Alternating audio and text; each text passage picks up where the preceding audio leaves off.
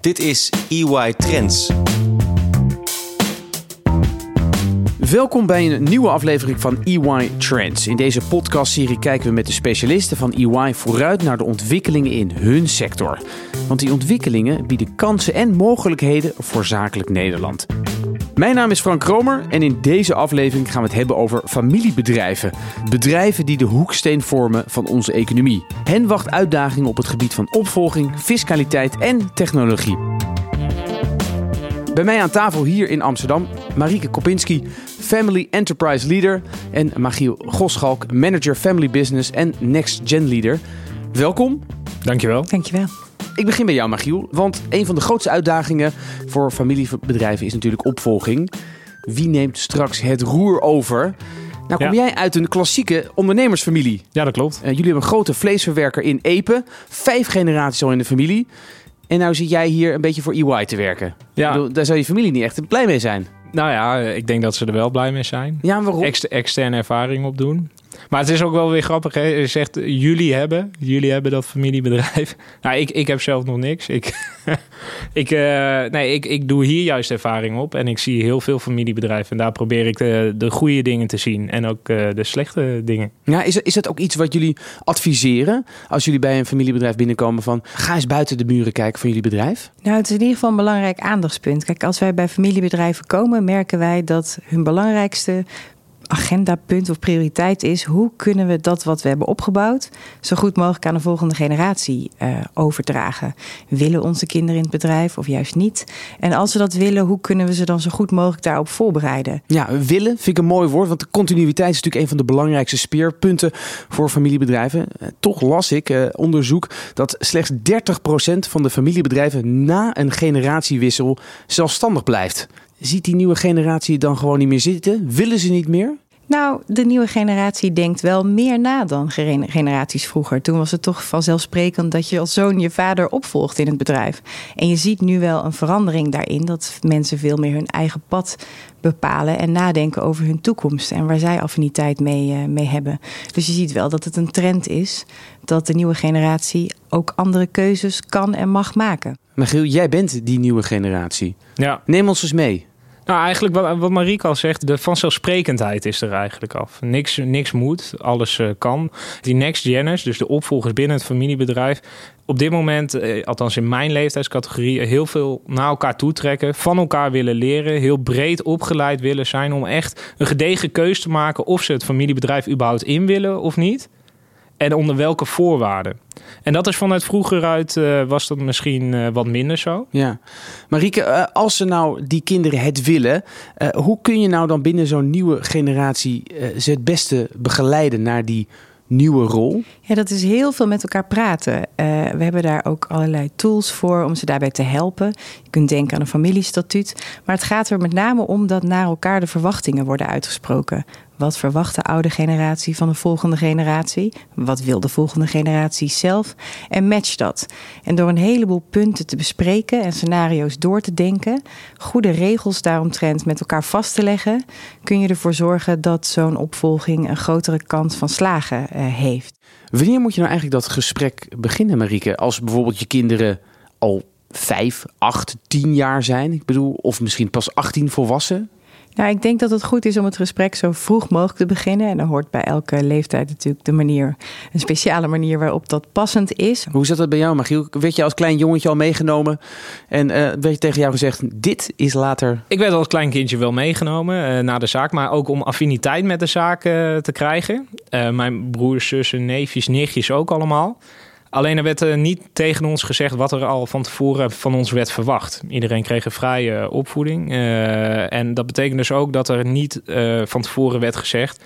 we hebben het liefst dat de opvolger al gelijk na zijn studie in de zaak komt werken... en dan krijgt hij de opleiding als het ware van het bedrijf. Er is ook niet gezegd, joh, Magiel, ga eerst extern werken, want dat hebben we het allerliefst. Dat soort communicatiestromen waar we het net over hadden, eh, dat, dat is wel heel belangrijk om dat goed neer te zetten. Want het biedt ook gewoon duidelijkheid tussen de opvolgers. Nou, eigenlijk, als we zo naar die cijfertjes kijken, steeds minder opvolgingen.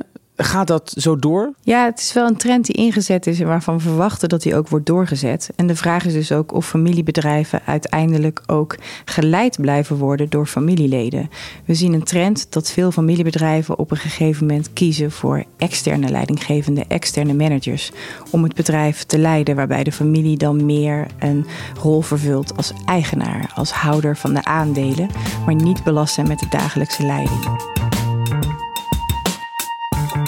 Hebben het net gehad over opvolging, maar dan vooral eigenlijk de menselijke kant. Eh, maar we moeten natuurlijk ook niet het fiscale eh, uit het oog verliezen. Uh, Marieke, als we kijken naar de bedrijfsopvolgingsfaciliteit, oftewel de BOF. Toch cruciaal, zeker eh, in de toekomst. Er is ook al veel over te doen. Ehm, leg me eventjes uit wat nou precies die uh, faciliteit inhoudt. Want ik ben een beetje de draad kwijt. Als je je aandelen wil schenken of wil laten vererven naar de volgende generatie, dan is er eigenlijk heel veel inkomstenbelasting en erf- en schenkbelasting verschuldigd. Nou, als dat betaald moet worden, dan is dat een enorme last ook voor het bedrijf waar dat geld vaak in vast zit. Die bedrijfsopvolgingsfaciliteit die zorgt ervoor dat je die inkomstenbelasting niet acuut hoeft te betalen. En die zorgt er ook voor dat je een vrijstelling krijgt voor de schenk- en de erfbelasting. Nou, dat betekent dat de continuïteit van het bedrijf niet in gevaar komt bij een overgang naar de volgende generatie. En dat is waarom die faciliteit zo belangrijk is. Toch, er is veel ontwikkeling rondom die BOF. Recentelijk is er in de Kamer ook weer een vraag gesteld door Kamerlid Nijboer. En die gaf eigenlijk aan dat het een publiek geheim is dat hele rijke vermogende families 0 euro successieheffing betalen, omdat ze allemaal gebruik maken van die faciliteit. Ja, dan zie je dus dat iets helemaal uit zijn context wordt gehaald. Want die faciliteit is juist keihard nodig om die continuïteit van die Nederlandse familiebedrijven te waarborgen. Maar je ziet dat het politiek af en toe weer uh, ja, op wordt gebracht. Om te kijken of het aanpassen of het afschaffen van die regeling tot een, uh, tot een eh, vergroting van de opbrengst kan leiden. Ach, acht jij dat reëel? Nou, het hangt er een beetje vanaf welke politieke partijen aan de macht komen. Op dit moment uh, zie ik nog steeds alle noodzaak om die faciliteiten in stand te houden. Om zo die continuïteit van die familiebedrijven te waarborgen. Zodat ze ook van generatie op generatie voort kunnen gaan. Stel, ik ben nu de baas van een familiebedrijf. En over tien jaar wil ik het misschien overdragen. Zijn er nu al ja, voorzorgsmaatregelen die ik zou kunnen gaan nemen, mocht die bof wel echt heel veel minder ruim worden? Zeker, er zijn zeker maatregelen die je nu alvast kunt nemen om voor te sorteren op toepassing van die faciliteiten. Um, een van de vereisten is dat als je aandelen wil schenken, dat je kinderen in dienstbetrekking moeten zijn bij het bedrijf. Nou, actiepunt voor familiebedrijven is dus om de kinderen in dienstbetrekking te nemen ergens in het bedrijf. Je kunt maar beter alvast aan die voorwaarden voldoen om zo die faciliteit te kunnen benutten. En dat mag, mag alles zijn, mag ook uh, chef lege dozen zijn. Klopt mag ook chef lege dozen zijn. Als ze maar in dienstbetrekking zijn bij het bedrijf. Maar het is wel dus een belangrijk aandachtspunt. Um, je kunt dus ook misschien al eerder dan je van plan was, zorgen dat die eigendom overgaat naar de volgende generatie. Daarmee benut je die faciliteiten, maar dat hoeft niet te betekenen dat die huidige generatie de zeggenschap kwijt is. En dat is vaak wat belangrijk is. Die huidige generatie zit nog vol in het bedrijf, die wil aan alle touwtjes blijven trekken. En dat kan dus ook, zelfs als je de eigendom van je aandelen al overdraagt aan de volgende generatie. Dus het benutten van die faciliteit moet eigenlijk in zo'n vroeg mogelijk stadium gebeuren. Want we weten allemaal niet hoe de toekomst eruit ziet.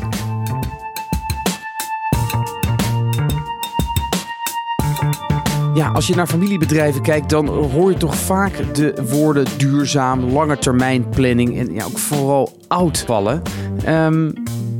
Giel, als we kijken naar die familiebedrijven, die staan toch voor grote uitdagingen. En misschien een van de grootste is innoveren.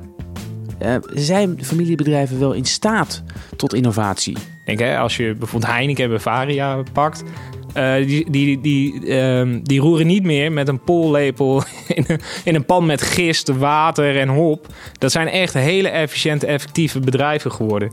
En dat is echt innoveren voor familiebedrijven. Kijken waar de, hè, hoe het efficiënter kan. Kijken naar de toekomst. En, en kijken hoe je daarop kan inspelen. En af en toe kan dat ook wel eens betekenen dat je weggaat uit je traditionele bedrijfsvoering. Dus wat we, wat we ook wel eens zien is dat bijvoorbeeld een bouwbedrijf nu ineens een 3D-printer uh, 3D van beton gaat worden. Dus wel die kennis van het verleden gebruiken om uh, in te spelen op die snel veranderende markt. Toch, Marieke? Jij had eerder ook over deze snel veranderende tijden. Het gaat echt heel snel. Zie jij nog wel toekomst voor familiebedrijven? Ja, zeker zie ik toekomst voor familiebedrijven. Juist familiebedrijven die die lange termijnvisie hebben, moeten investeren in onderzoek en ontwikkeling. En mijn ervaring is, is dat ze dat ook doen.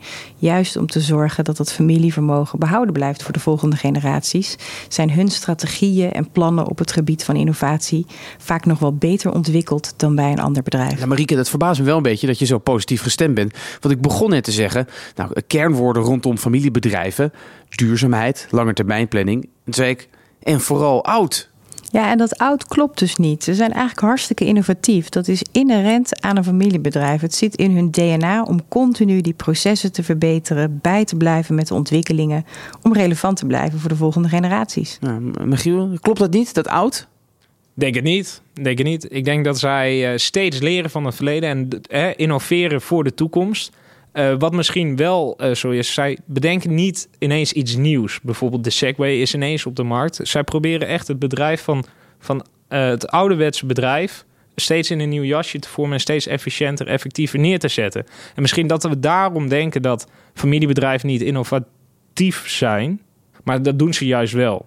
Want anders kunnen ze nooit die volgende generatie halen. Ja, dus ze moeten gewoon eigenlijk veel beter aan de marketing denken. Ja, dat denken we wel. Ik denk vanuit oudsher dat familiebedrijven het imago hebben dat ze authentiek zijn. Misschien wel een beetje ouderwets ook. Maar uh, dat was voor de economische crisis. En tijdens de economische crisis, toen bleken eigenlijk de familiebedrijven echt de steun en uh, wat, je, uh, wat je in het begin zei, de ruggengraat van de Nederlandse economie. Dus dat imago op dit moment is fantastisch voor familiebedrijven. En wij, wij pleiten er dan ook voor. Zet dat dan ook in. Laat zien dat je zoveel innovaties doet. Laat zien dat je een familiebedrijf bent. En zorg dat je die trots en pracht en praal ook uitdraagt. Goed, Marieke, samenvattend, wat zijn nou een beetje de grote uitdagingen voor familiebedrijven in de ja, pak een beet komende vijf jaar? Ja, de uitdaging is dat met de hele generatie babyboomers die nu bezig is een bedrijf aan het overdragen, dat dat op een goede manier gebeurt. Communicatie is cruciaal. Het goed inregelen van de processen, het gebruik maken van de faciliteiten, dat zijn allemaal aandachtspunten die niet uit het oog moeten worden verloren. Michiel? Ik denk dat het goed is dat familiebedrijven ook steeds meer laten zien hoe innovatief ze zijn. En dat zij hun familie, uh, dat zij het zijn van een familiebedrijf ook gebruiken in hun marketing. Ik denk dat dat echt uh, zou helpen voor de toekomst. Dank jullie wel, Marieke Kopinski en uh, Magiel Goschalk. Dit was EY Trends over familiebedrijven. Wil je op de hoogte blijven van alle ontwikkelingen en business trends en wat dat voor zakelijk Nederland betekent? Abonneer je dan op EY Trends. Dat kan gratis via iTunes of Spotify. En hou natuurlijk onze website in de gaten: ey.nl/podcasts. En Laat ons weten wat je van deze serie vindt. Geef ons sterren of een review in iTunes. Mijn naam is Frank Kromer. Tot de volgende keer.